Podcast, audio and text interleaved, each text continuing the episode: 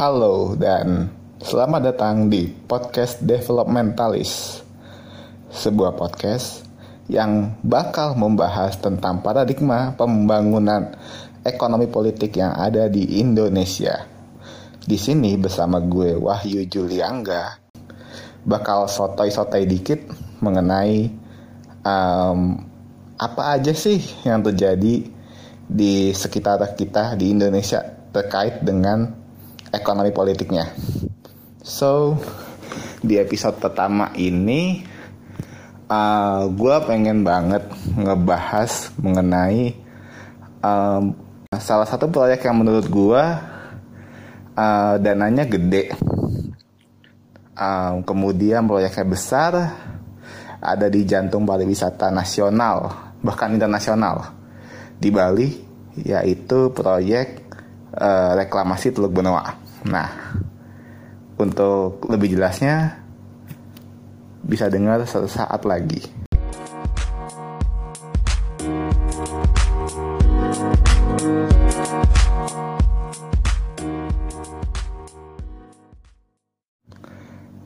Gue di sini mengangkat tentang reklamasi Teluk Benoa, uh, mengeluarkan statement-statement gue yang berdasarkan atas um, hasil penelitian gue yang pernah gue lakukan mengenai reklamasi Teluk Benoa. So, jadi uh, reklamasinya sendiri, proyeknya itu udah ada semenjak lima, udah li, lebih dari lima tahun sejak tahun 2000, oh sorry, sejak tahun 2012, 2012 akhir. Uh, 2012 akhir sampai saat ini reklamasinya itu masih belum berjalan. Nah, uh, reklamasi Teluk Benoa itu adalah proyek yang uh, dicetuskan pada yang disebut sebagai Master Plan Perencanaan Pembangunan Perluasan Ekonomi Indonesia atau MP3I kalau nggak salah itu kepanjangannya di koridor wilayah Bali dan itu dicetuskan 2011 oleh Presiden SBY. Nah, uh, untuk koridor Bali sendiri salah satu atau mungkin beberapa yang udah uh, rekomendasi yang udah dibangun inflasnya di Bali itu antaranya di antaranya ada uh, Jalan Tol Bali Mandara dan juga uh, perluasan Bandara Ngurah Rai. Oh sama satu lagi yaitu uh, Pelabuhan Tanjung Benoa. Nah reklamasi Teluk Benoa sebetulnya nggak ada di dalam master plan itu, mas MP3 itu tadi.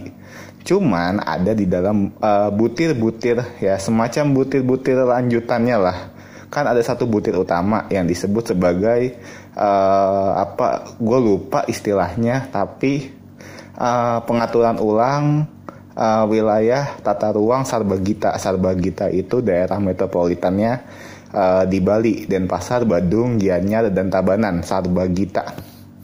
Nah, tata ruangnya ditinjau ulang yang di situ akhirnya mencetuskan adanya Perpres 45 2011. Jadi daerah Sarbagita yang sebelumnya itu adalah kewenangannya provinsi kewenangannya provinsi Bali daerah ini daerah Sarbagita itu diatur oleh provinsi Bali semenjak ada Perpres 45 2011 diambil alih daerahnya termasuk uh, pengaturan tata ruangnya oleh pemerintah pusat.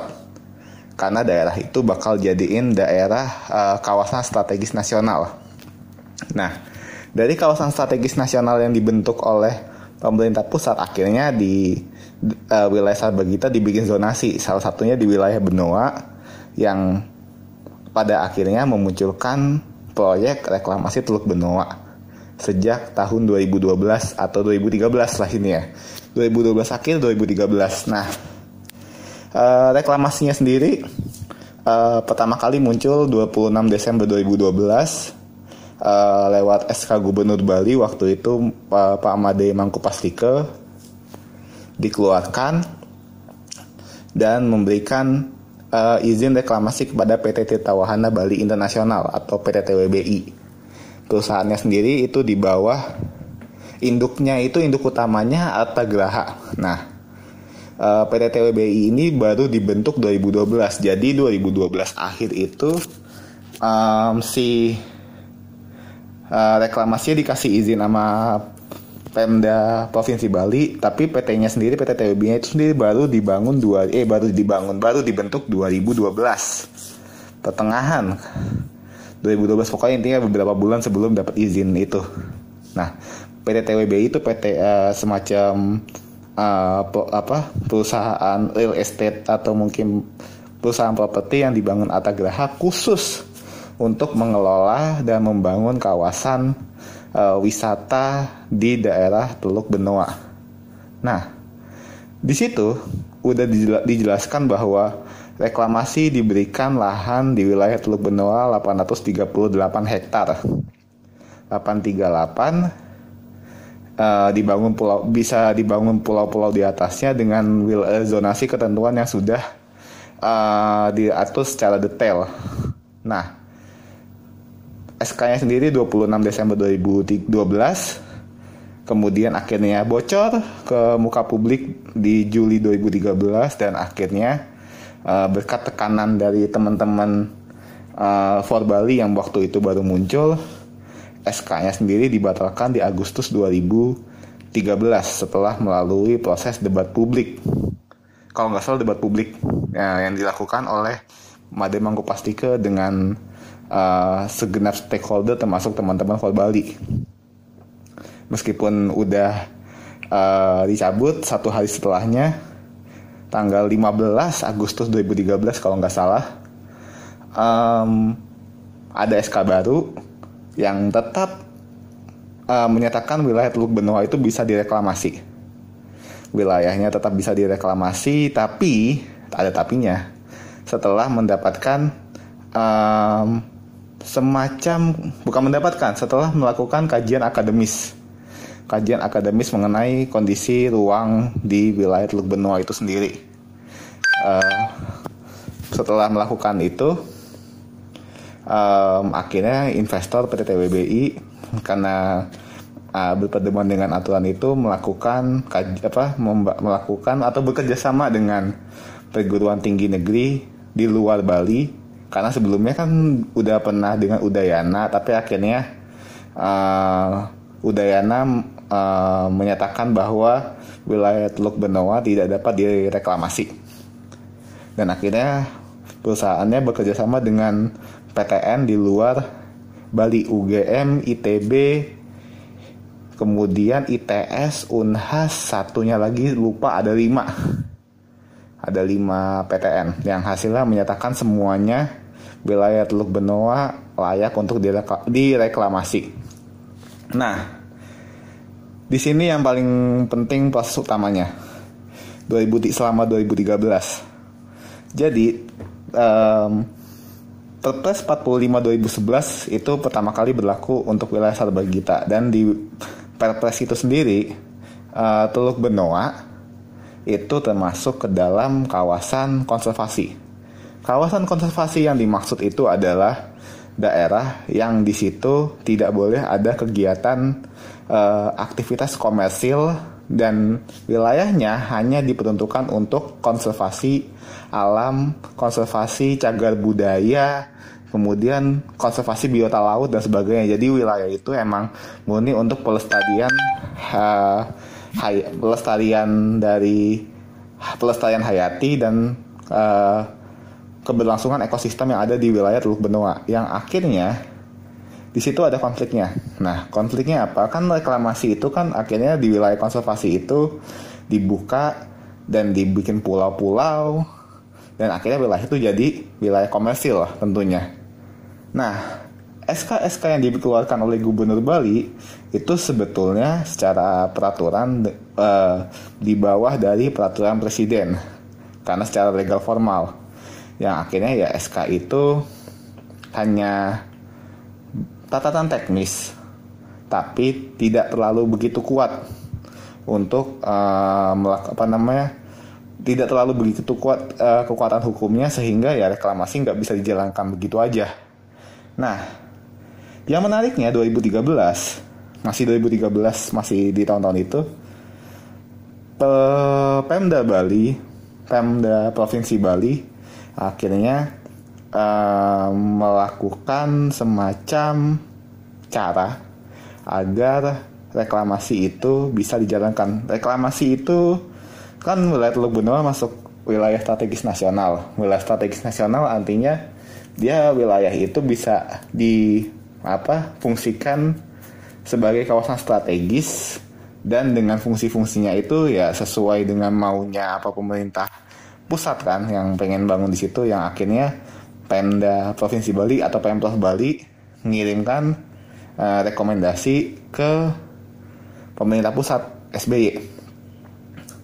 Waktu itu juga beserta dengan ada legal actionnya Yusri Reza Mahendra yang menyatakan bahwa uh, wilayah Teluk Benoa itu sudah mengalami perubahan fungsi perubahan uh, wilayah yang yang salah satu argumennya adalah wilayah teluknya aja didangkal dan banyak sampah di situ sehingga daripada dikeruk uh, daripada dikeruk atau di apa direhabilitasi lebih baik ya bisa dibangun pulau-pulau di situ. Nah, itu dua alasan yang sama dari rekomendasinya Gubernur Bali sama legal actionnya Yusril Iza Mahendra yang pada akhirnya uh, membentuk sebuah tim dari Bapenas atau saya lupa sih apa namanya stakeholder kementeriannya apa. Yang jelas itu uh, lintas kementerian yang oh Bapenas, kemudian KKP, kemudian Kementerian Kelautan Perikanan, kemudian ada juga dari Kemenhut waktu itu kalau nggak salah Kemenhut, eh Kemenhut atau eh lingkungan hidup pokoknya. Kementerian Lingkungan Hidup, kemudian uh, dari uh, saya lupa satu lagi uh, ATR Tata Ruang Agraria. Akhirnya mereka membentuk sebuah tim untuk melakukan uh, peninjauan ulang dan hasilnya peninjauan ulang dan melakukan ya uh, melakukan perubahan akademis baik itu akademis dan perubahan-perubahan yang lainnya ada di wilayah Teluk Benoa salah satunya merubah Perpres 45 2011 itu. Nah, hasil output dari uh, proses-proses tadi adalah terbentuknya Perpres 51 2014 yang akhirnya memunculkan sebuah kontroversi yang sampai sekarang masih terus dilawan oleh teman-teman di Bali yakni uh, wilayah Teluk Benoa diubah fungsinya dari wilayah konservasi menjadi wilayah zona budidaya atau revitalisasi. Ya, itulah apa namanya. Itu dua nama itu yang biasanya sering dipakai. Yang artinya wilayah Teluk Benoa yang sebelumnya hanya untuk habitat ekosistem alam, kemudian biota laut, yang untuk menjaga ekosistem yang ada termasuk hutan bakau yang ada di sekitar situ jadi nggak boleh diganggu sama sekali. Wilayahnya boleh dibuka. Dibikinlah pulau-pulau dibikinlah uh, istilahnya dibikinlah wilayah yang lebih komersil dengan catatan bahwa di Perpres 4 eh, Perpres 45 Perpres 51 2014 yang mengakomodir reklamasi Teluk Benoa di situ ditulis bahwa reklamasi dapat dilakukan maksimal 700 hektar. 700 hektar. Di sini gue bisa bilang bahwa 700 hektar itu sebetulnya bukan angka yang tiba-tiba muncul dalam Perpres 51 2014 karena ya sebelumnya di Perpres yang eh Perpres di SK Gubernur yang pertama itu 838 hektar. SK gubernur yang kedua yang menggantikan SK yang pertama itu 700 hektar. Tadi belum saya sebutkan. 700 hektar. Jadi angkanya itu ya segitu-segitu aja termasuk di perencanaan perusahaannya itu dari PT TWBI nya sendiri sekitar 700 hektar yang dialokasikan atau diperbolehkan untuk di uh, lakukan reklamasi. Dan mappingnya sama perencanaannya sama antara ya yang ada di perpres sama yang ada di perencanaan perusahaan. Kenapa bisa mirip? Um, untuk tahu lebih jelasnya bakal gua bahas sesaat lagi.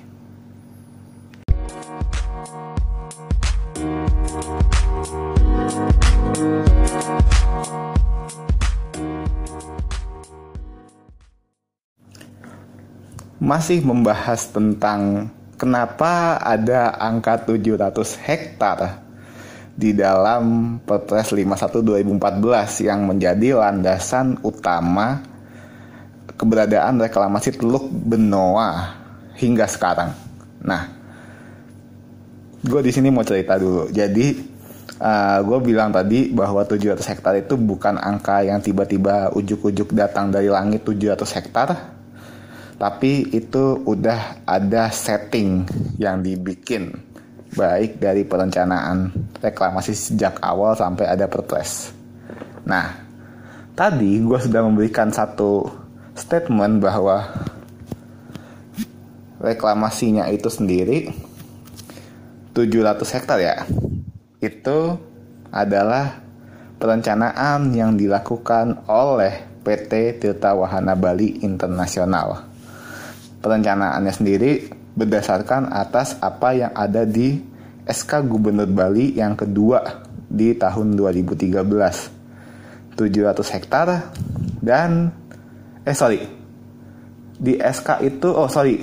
Gue baru inget di SK Gubernur yang kedua di Bali itu belum mencantumkan angkanya berapa. Tapi kalau misalnya itu ternyata SK pertama masih apa masih karena waktu itu SK pertama udah nggak dianggap berlaku tapi mungkin kalau SK kedua secara luas wilayah karena di mapping petanya nggak jelas itu mungkin masih bisa dipakai angka 838 hektar. Nah 700 hektar itu muncul dari mana? Jadi um, satu pemberitaan yang jadi apa jadi pintu masuk ada dari Kompas 2014 tanggal 28 Januari setelah aksi For Bali di Jakarta ya kalau nggak salah waktu itu jadi For Bali Januari 2014 bikin aksi di Jakarta soal tolak reklamasi Teluk Benoa. TLBI punya hak jawab di Kompas dan menjawab bahwa ya mereka punya proyek reklamasi Teluk Benoa dan mereka adalah yang megang konsesinya berdasarkan SK Gubernur Bali. Mereka bilang bahwa uh, kita punya proyek reklamasi dengan perencanaan 700 hektar 700 hektar dan bakal dibangun sekitar 14 pulau. Kalau nggak salah sekitar segitu 14-16 pulau. Yang fungsinya ada bagaimana ada ada banyak macam, ada hotel, ada restoran, ada resort, ada apartemen dan lain-lain. Ya intinya reklamasi itu proyek private. Nah, 700 hektar adalah perencanaan yang ada di uh, perusahaannya itu sendiri TWBI yang waktu itu teman-teman Val Bali belum notice bahwa ternyata 700 hektar itu adalah angka yang dipakai dalam proses perumusan uh, reklamasi Teluk Benoa dari proses proses perubahan Perpres 51 sampai um, Perpresnya jadi jadi kan di proses perumusan perubahannya kan ada tuh gejala apa pembahasan-pembahasan terkait. Salah satunya adalah mapping wilayahnya seperti apa yang akhirnya dicetus, dicetuskannya angka 700 hektar. 700 hektar yang akhirnya bisa dibikin berbagai macam pulau. Nah, di dalam pemberitaan Kompas itu, ini gue kasih apa sedikit apa persamaan bahwa Perpres sama perencanaan proyek reklamasinya itu sendiri uh, ada kemiripan atau mungkin yang bisa dibilang ya perusahaannya itu benar-benar udah punya komitmen untuk melakukan reklamasi Teluk Benoa sehingga mempengaruhi ada Perpres 51 2014. Nih, pertama tadi soal luas wilayah 700 hektar itu udah fix di antara keduanya.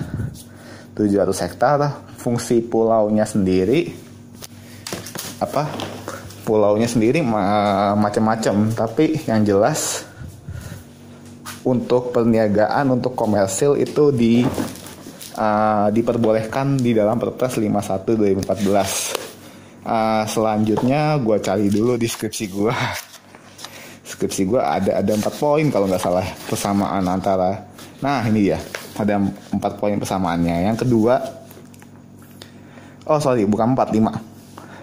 Poin kedua, ruang terbuka hijau Perpresnya ada syarat 40%, TWBI 50%. Jarak antar pulau reklamasi uh, di Perpres 51 jarak antar pulaunya 100 meter. Pulau-pulau reklamasi jadi kayak ada dikasih jarak gitu. TWBI 80 sampai 300 meter. Terus pendalaman teluk jadi uh, selain reklamasi teluknya sendiri wajib untuk diperdalam. Biar apa perahu-perahu kapal itu bisa masuk ke dalam. Perpres 51 itu 2 meter dari titik surut, TWBI 3 sampai 5 meter dan tadi pemanfaatan ruang sebagai poin terakhir uh, di Perpres sendiri ya sistem permukiman dan jaringan sarana, sarana prasarana transportasi, energi, telekomunikasi, sumber daya air dan sarana perkotaan. Sedangkan dalam master plan-nya TWBI, PT TWBI itu sendiri hotel, villa, villa terapung, apartemen, fasilitas umum, kawasan perdagangan, dan kawasan ibadah. Kawasan ibadah itu uh, salah satu yang dipakai untuk menarik simpati dari kelompok-kelompok Hindu yang ada di Bali, ada di Denpasar dan sekitarnya. Nah, total investasinya sendiri dari TBI itu 3 miliar US dollar. Itu kalau pakai kursnya waktu itu 12 ribu. 3,6 T. Ya 3,6 triliun rupiah. Eh sorry. 36 triliun rupiah. 36 triliun. Lumayan. Lumayan uh, besar. Apa proyek reklamasinya. Nah tadi kan angka 700 hektar itu bukan angka yang tiba-tiba muncul. Jadi kayak gue bisa bilang bahwa kalau misalnya pakai uh, alasan cocok bukan cocok logi ya tapi kayak alasan kita melakukan komparasi antara ada yang di perpres sama yang di um, master plan-nya dua-duanya tidak berbeda jauh bahkan memiliki kesamaan di satu poin yakni di luas wilayah. Luas wilayah itu berdasarkan eh, angkanya nggak beda jauh dengan apa yang ada di uh, SK Gubernur 838 hektar diturunin jadi 700 hektar. Alasannya apa? Uh, saya kurang tahu kenapa bisa berkurang 138 hektar.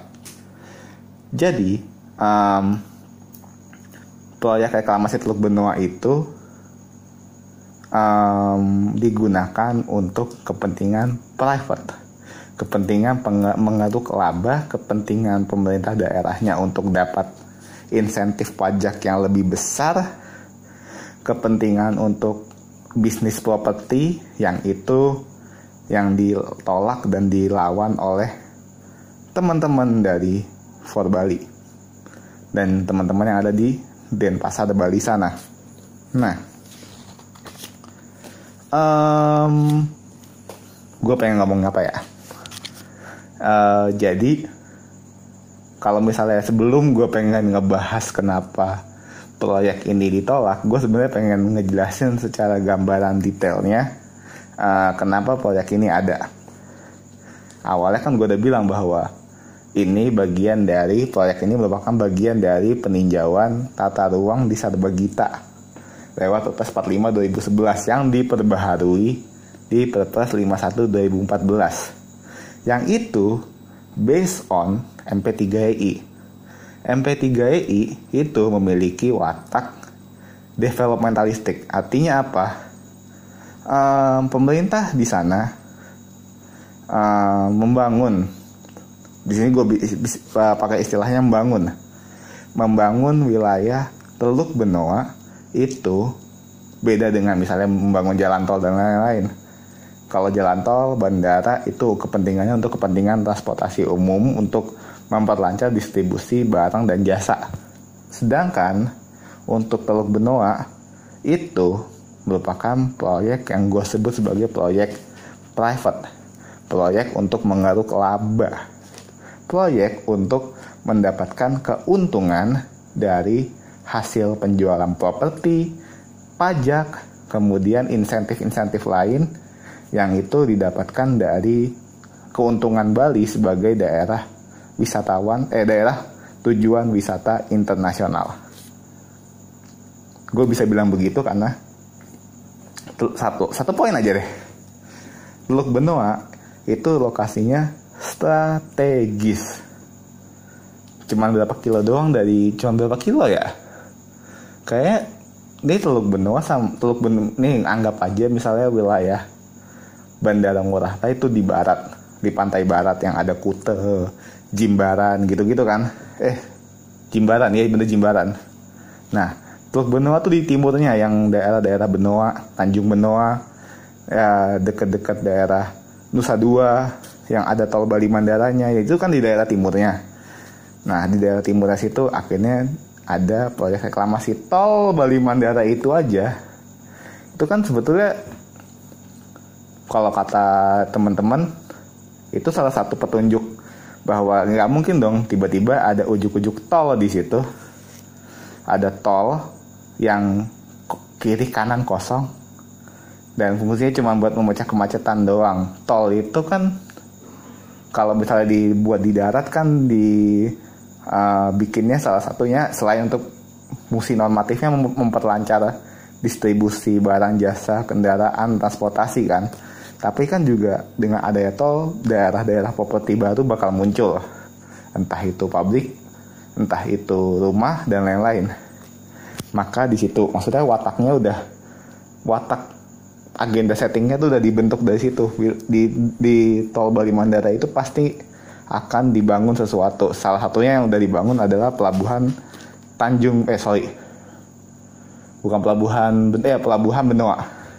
Kan pelabuhan Benoa itu ada di bagian pintu masuk dari um, tol Bali Mandara yang dari arah Kota Denpasar ke arah Nusa Dua. Nah, ya kali apa namanya wilayah kosong laut gitu dibiarkan kosong pasti ada sesuatu yang akhirnya tara ada reklamasi Teluk Benoa yang ternyata emang selain agenda settingnya udah ada 2012 dengan ada TWBI di situ, ada SK Gubernur, pemerintah pusat tuh udah ngerenca merencanakan itu sejak 2013.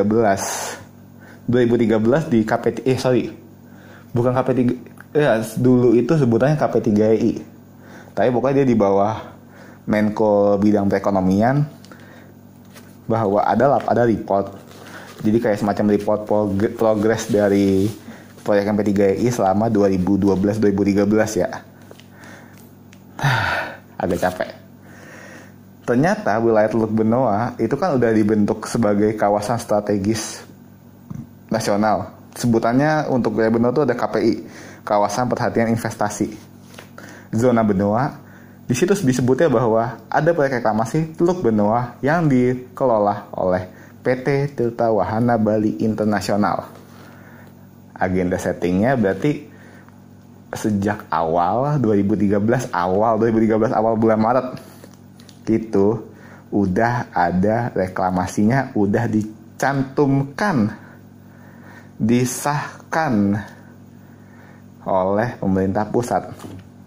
Jadi ya bu untuk bicara apa lagi bahwa memang pemerintah sendiri karena satu mereka udah ngambil alih wilayah Salbagira jadi jadi Pemda itu nggak punya kewenangan yang cukup luas untuk uh, melakukan revisi terhadap tata ruang jadi tata ruang sama pemerintah pusat semua tata ruang udah dipegang pemerintah pusat nih ya udah pemerintah pusatnya bisa ngasih wilayah A ke mana, B ke mana, Benoa ke TWBI. Ya kita TWBI dapat wilayah Teluk Benoa.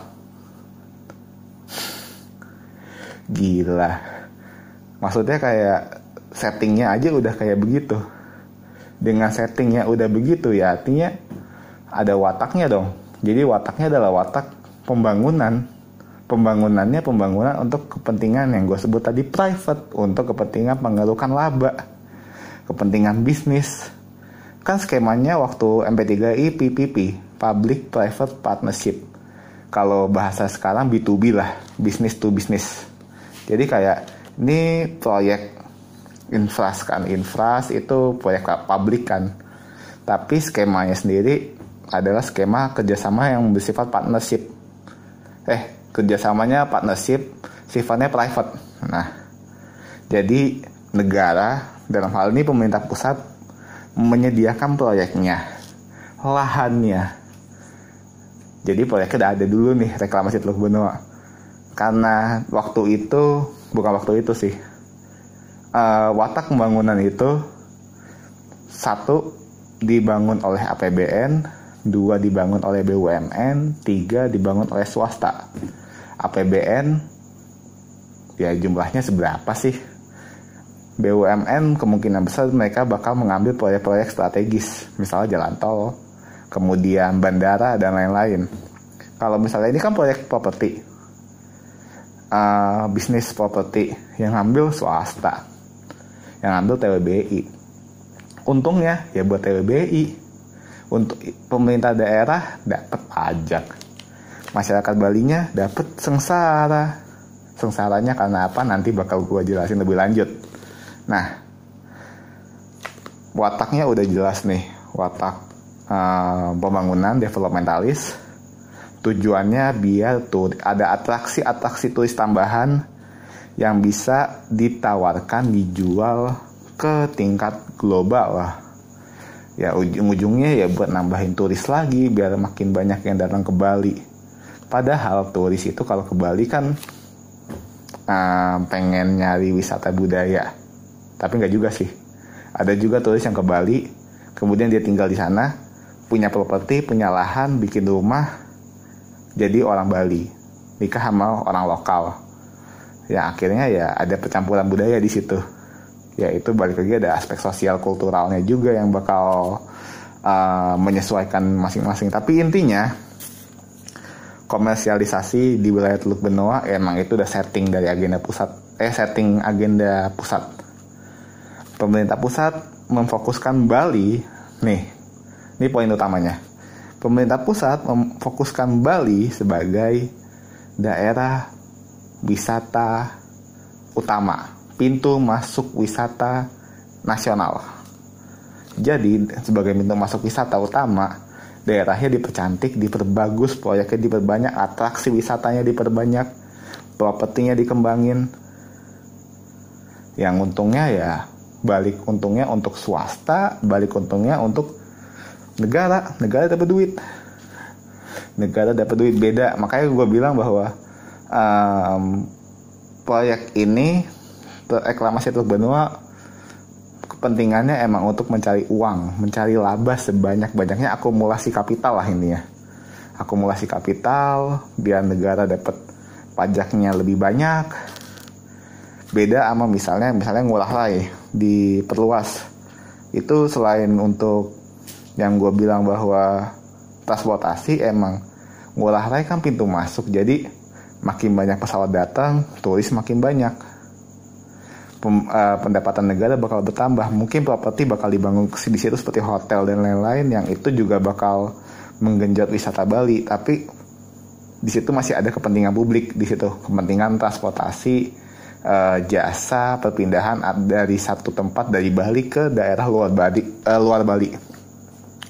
Cuman kalau reklamasi Teluk Benoa itu kepentingan private man, kepentingan duit. ya, kan yang dibangun di situ hotel. Hotel ya yang buat yang mampu bayar aja, bukan buat masyarakat di sana. Ya akhirnya ya masyarakat di sana yang gue bilang tadi sengsara cuman jadi semacam pekerja lah kelas pekerja kelas yang nggak bisa menikmati secara sepenuhnya potensi wisata ekonomi yang ada dari masifnya pariwisata di Bali. Nah, next segmen gue bakal ngebahas kenapa ada for Bali dan apa impactnya sampai membuat reklamasi nggak bisa berjalan sampai sekarang next ya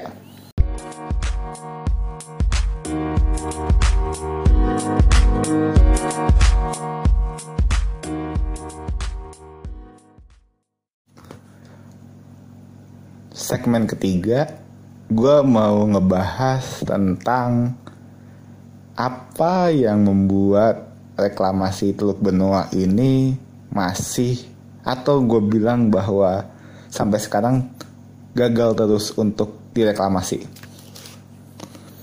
Jadi, di Bali sana kan gue udah bilang sejak awal ada teman-teman yang berjuang untuk mempertahankan status wilayah Benoa eh, wilayah Teluk Benoa sebagai wilayah konservasi yakni Forum Rakyat Bali Tolak Reklamasi atau For Bali. For Bali itu sendiri udah ada sejak 2013 tepat setelah uh, momen di mana reklamasi Teluk Benoa akhirnya kebongkar ke publik lewat bocornya SK Gubernur yang pertama yang ngasih izin 838 hektar ke PT TBI. Nah, um, Foto Bali udah lima tahun, uh, koordinator utamanya masih uh, Bang Gendo atau disebut sebagai nama panjangnya Iwayan Swadana. Bang Gendo masih sebagai leadernya, koordinator utamanya. Nah, karena mereka di sana bukan pakai sistem hierarkis tapi pakai sistem yang lebih egaliter untuk organisasi bukan organisasi aliansi aliansi gerakannya. Nah, um, for Bali sendiri sampai saat ini sudah didukung sekitar 39 desa adat 39 kalau nggak salah 39 atau berapa? Gua cari dulu. Uh, bentar.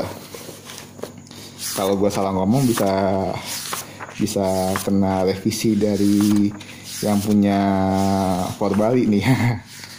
Jadi yang jelas ada sekitar 30-an uh, desa adat yang um, ikut dalam gerakan ini. Selain desa adat ada juga NGO seperti yang yang leadernya adalah Walsa leader, leadernya adalah Walhi Bali. Karena Walhi Bali yang pertama kali mencetus bukan mencetuskan yang mengetahui bahwa uh, ada proyek yang dilakukan oleh swasta di Teluk Benua yang waktu itu klunya adalah ada Cristiano Ronaldo bikin bukan bikin ya datang ke Indo uh, diundang sama Yayasan Peduli Mangrove yang dibikin sama Atta Graha, Yayasan Peduli Mangrove. Nah, yayasan itu kerjasama dengan Pak SBY nanam mangrove bareng di Teluk Benua.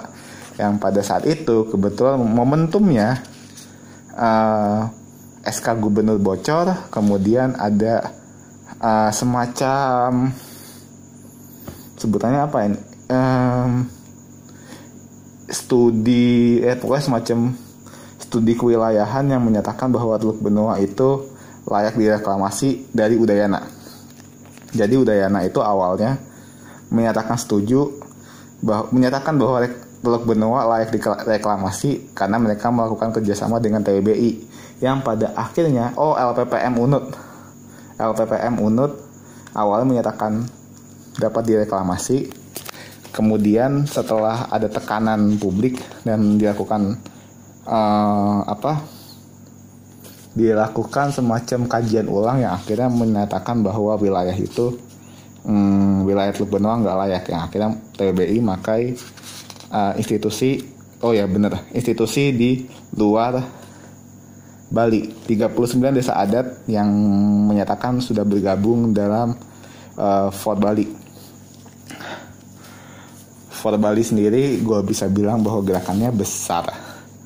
Kalau lu ke Bali dan lu sering melihat banyak di desa-desa ada ada panji-panji for Bali dengan dengan baliho yang di situ ada tulis um, stop reklamasi Teluk Benoa atau batalkan Perpres 51 2014 yang itu artinya desa adat itu secara secara resmi menyatakan dukungan politiknya bahwa mereka mendukung For Bali, menyatakan bahwa mereka menolak keberadaan reklamasi Teluk Benoa. Gerakan ini bisa muncul karena banyak faktor yang mendasari uh, Teluk Benoa itu kenapa nggak layak untuk direklamasi. Di sini gue mau nyebutin bahwa kalau dari For Bali ada sekitar 13 poin uh, menyatakan bahwa reklamasi itu nggak layak dilakukan. Seperti konservasi fungsi konservasinya bakal hilang karena uh, Teluk Benoa sendiri adalah muara dari lima daerah aliran sungai. Daerah aliran sungai itu kalau ada hujan akhirnya kan ke teluk ke teluk Benoa. Teluknya itu yang nampung. Jadi daerah Denpasar itu uh, otomatis ya banjirnya bisa ditanggulangin. Tapi kalau misalnya ada reklamasi jadi reklamasi itu kan pasir ditaruh di lautan yang akhirnya uh, ruang untuk air itu berkumpul jadi berkurang. Yang akhirnya yang menyebabkan airnya meluap. Volume air tetap tinggi airnya meluap di daratan. Karena mereka nggak bisa masuk ke lautan. Jadi daerah konservasinya konservasi hilang yang tadi gue bilang bilang di isu dua banjir rentan bencana karena wilayah Teluk Benoa itu likuifaksinya uh, ada potensi likuifaksi. Likuifaksi itu jadi kalau misalnya ada gempa daerahnya itu daerah tanah lembek. Jadi dengan tanah lembek daerahnya itu bisa jadi hmm, bergerak, berputar karena masa jenis tanahnya sendiri gue juga nggak tahu ya. Karena ini geografis apa uh, studi kebumian atau geografis gue nggak ngerti. Jadi tanahnya itu bakal bergerak yang akhirnya ya kalau misalnya lu lihat di atas ada apartemen kemudian lahan tanahnya tiba-tiba bergerak ya apa nggak ambruk gitu kan? Korbannya pasti banyak. Rusak terumbu karang udah pasti ekosistem mangrove. Karena di daerah situ kan ada mangrove. Daerah mangrove tadi kalau misalnya ada ditumpuk sama lautan eh lautan daratan kan airnya kan bakal mengarah ke darat. Ada air yang mengarah ke daratan dan daratannya kan ditutup sama mangrove. Mangrove-nya kan masih bakal ketekan terus. Yang akhirnya mangrove-nya hancur. Abrasi tidak pasti. Bencana ekologis meluas yap. Karena nih gue masih ingat Bali itu kan nggak cuman Teluk Benoa aja. Yang hangat dulu tuh zaman Orba ada reklamasi Pulau Serangan yang ketika pulaunya jadi pulaunya jadi nggak ada apa-apa perusahaannya bangkrut. Um, wilayah Bali Timur Sanur Sukawati Gianyar sampai Kelungkung. Eh Kelungkung ya? Kelungkung atau Karangasem saya lupa deh. Nah itulah. Um, semua pantainya abdasi jadi kayak reklamasi Pulau Serangan yang itu aja udah bikin abrasis pantai timur Bali. Apalagi ada Teluk Benoa makin hancur pasti. Abrasi itu di mana-mana. Tanah murah untuk investor. Ini poinnya udah masuk ke tadi kan ranah ranah uh, lingkungan. Sekarang ranah ekonomi. Jadi ya you know lah. Daerah situ kan daerah yang udah rame ya. Daerah wisata mahal gue bilang mahal bahwa tanahnya udah mahal banget hotel udah banyak. Jadi um, tanah murah untuk investor tuh maksudnya adalah investor itu jadi kalau misalnya dia berinvestasi di Bali daratan anggap aja misalnya uh, satu meter perseginya itu dia harus bayar sekitar 70 juta meter persegi untuk wilayah daratan kayak pengen dapat uh, tanah di Kute, tanah di Sanur, tanah di Nusa Dua yang udah mahal. Nah, mereka bangun di Teluk Benoa dengan numpukin pasir.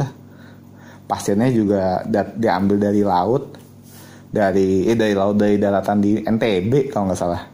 Jadi kerusakannya nggak cuma di Bali doang, NTB juga pasti bakal ada yang rusak.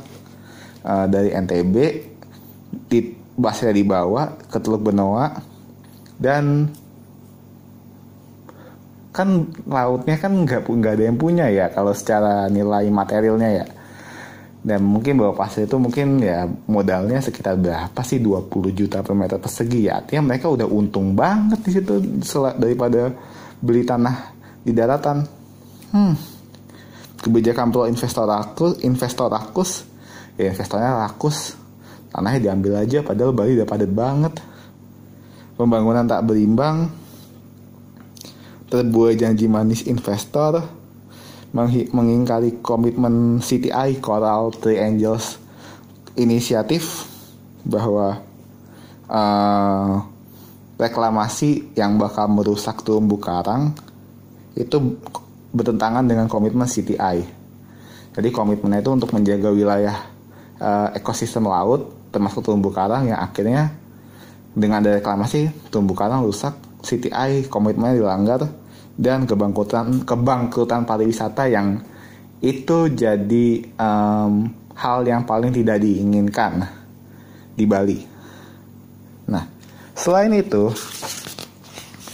satu alasan yang menurut gue sangat kuat untuk bilang bahwa reklamasi ini akhirnya eh, reklamasi Bali kuat dan reklamasi Teluk Benoa benar-benar tentang sama masyarakat Bali secara kolektif adalah jadi kawasan Teluk Benoa tuh ada sebutannya 70 titik suci yang di situ ada pusat peribadatan umat Hindu kayak pura kemudian ada uh, ah lupa namanya apa nih daerah Pasang Surut tuh Muntik, Padang Lamun, Sawangan.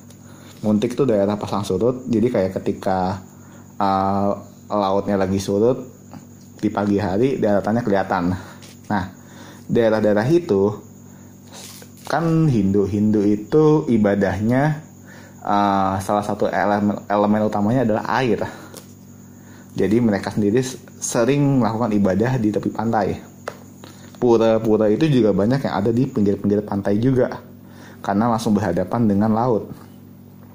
Biasanya salah satu ibadah yang sering dilakukan di pantai atau di, di tepian laut adalah uh, pelarungan biasanya pelarungan uh, abu yang udah dibakar di ngaben, kemudian melasti dan upacara-upacara lain. Sehingga simpelnya adalah daerah itu kan banyak pura, banyak muntik gitu-gitu yang buat ibadah umat Hindu diubah fungsinya jadi kawasan komersil jahat situ.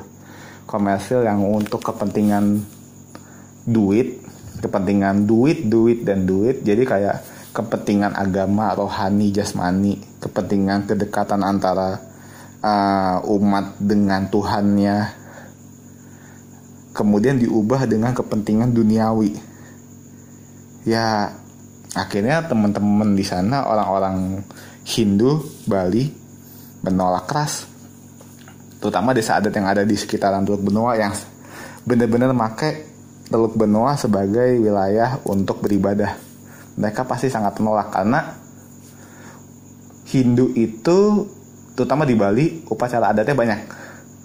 Upacara adatnya banyak, kemudian ibadahnya banyak, orang yang meninggal juga banyak kan.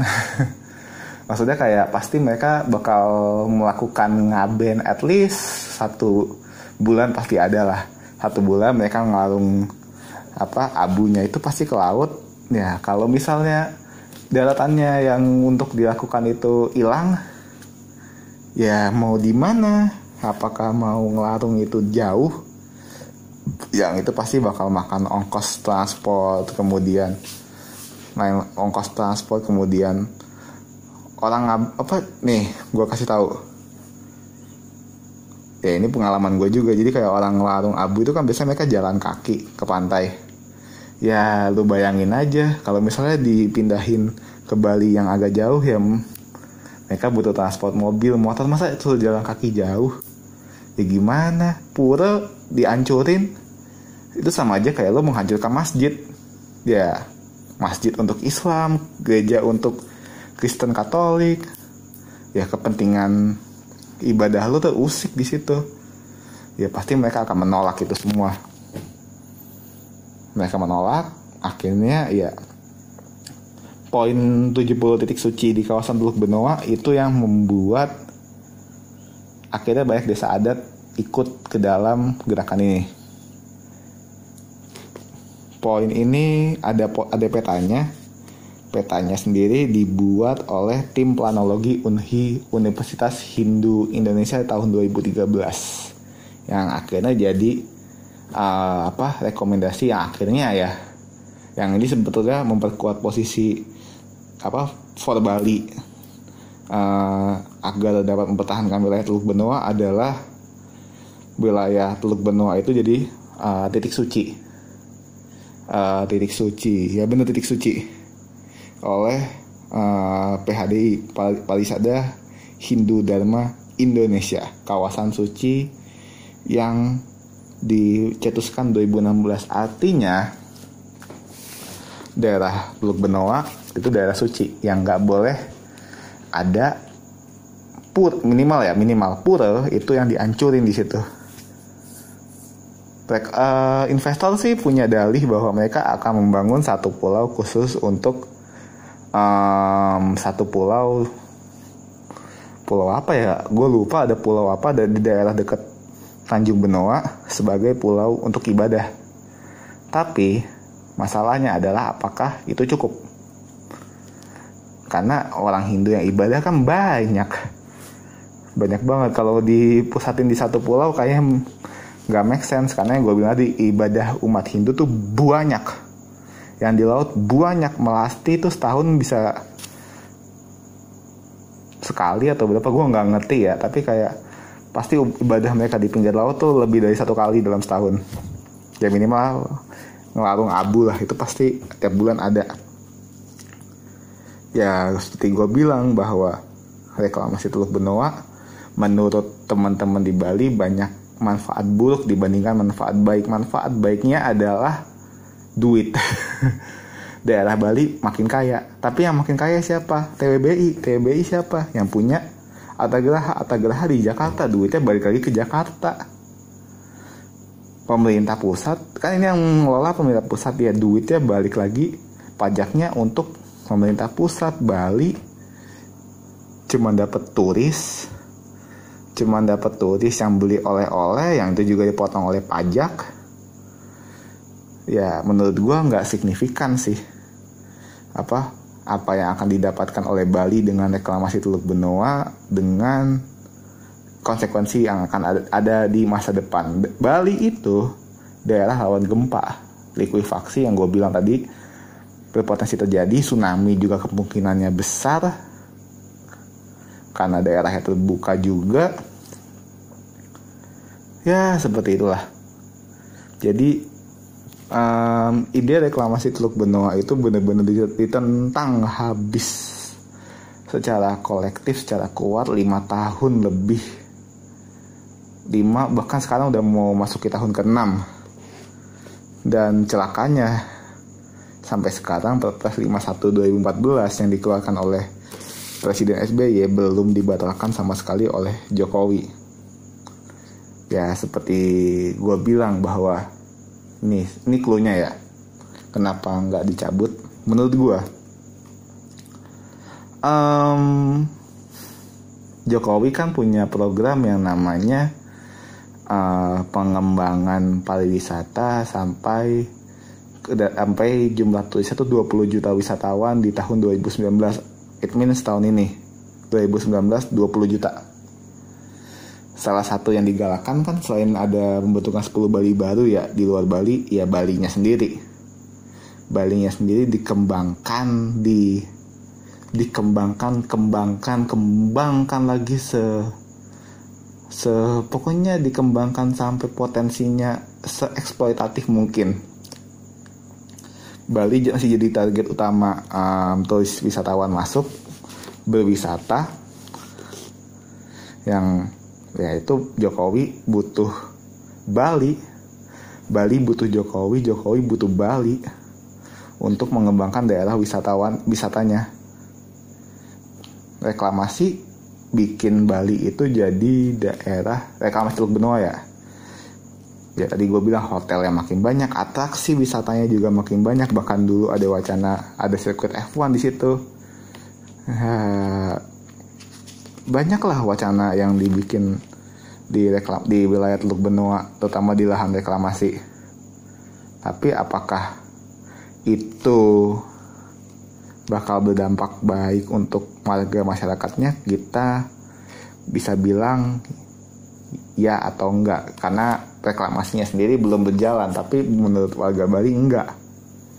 Karena lebih baik mudaratnya lebih banyak dampak buruknya terutama di bidang lingkungan lingkungannya bakal ya tadi gue bilang ada abrasi banjir kemudian ya apa ya kerusakan terumbu karang, kerusakan mangrove. Sayangnya sih pemerintah pusatnya masih bebal ya, masih menyatakan bahwa reklamasi Teluk Benua itu butuh padahal secara banyak kajian akademis baik itu dari lintas jurusan seperti si, teknik kemudian dari sosial humaniora yang menyatakan bahwa reklamasi Teluk Benua itu gak layak untuk dibikin baik secara teknis pembuatannya uh, berpotensi terkena bencana besar ter, berpotensi terkena bencana itu besar. Kemudian sosial politiknya nggak dapet amdal kenapa itu kenapa hal hal ini yang membuat amdal dari Teluk Benua itu TWBI ya yang ngajuin itu selalu mentah. Bukan selalu mentah. Akhirnya mentah di tahun 2018 2018 mentah tapi sayangnya KKP jadi kayak reklamasi kan butuh tiga izin. Izin lokasi amdal lingkungan sama pelaksanaan. Nah lokasi kan mapping wilayah yang dikeluarkan oleh Kementerian Kelautan dan Perikanan. Masih dikasih sama Susi akhir tahun lalu. Yang akhirnya itu jadi pintu masuk, bukan pintu masuk, ya pintu masuk uh, sebagai jalan utama. Jadi satu izin udah dapet, next kita izin AMDAL. Nah, proses ini yang benar-benar bakal di uh, awasi dilihat oleh teman-teman Bali yang ada di sana di Bali sana. Terima kasih sudah mendengar, mendengarkan episode pertama dari podcast Developmentalis. Gua Wahyu Juliangga, sign out, bye.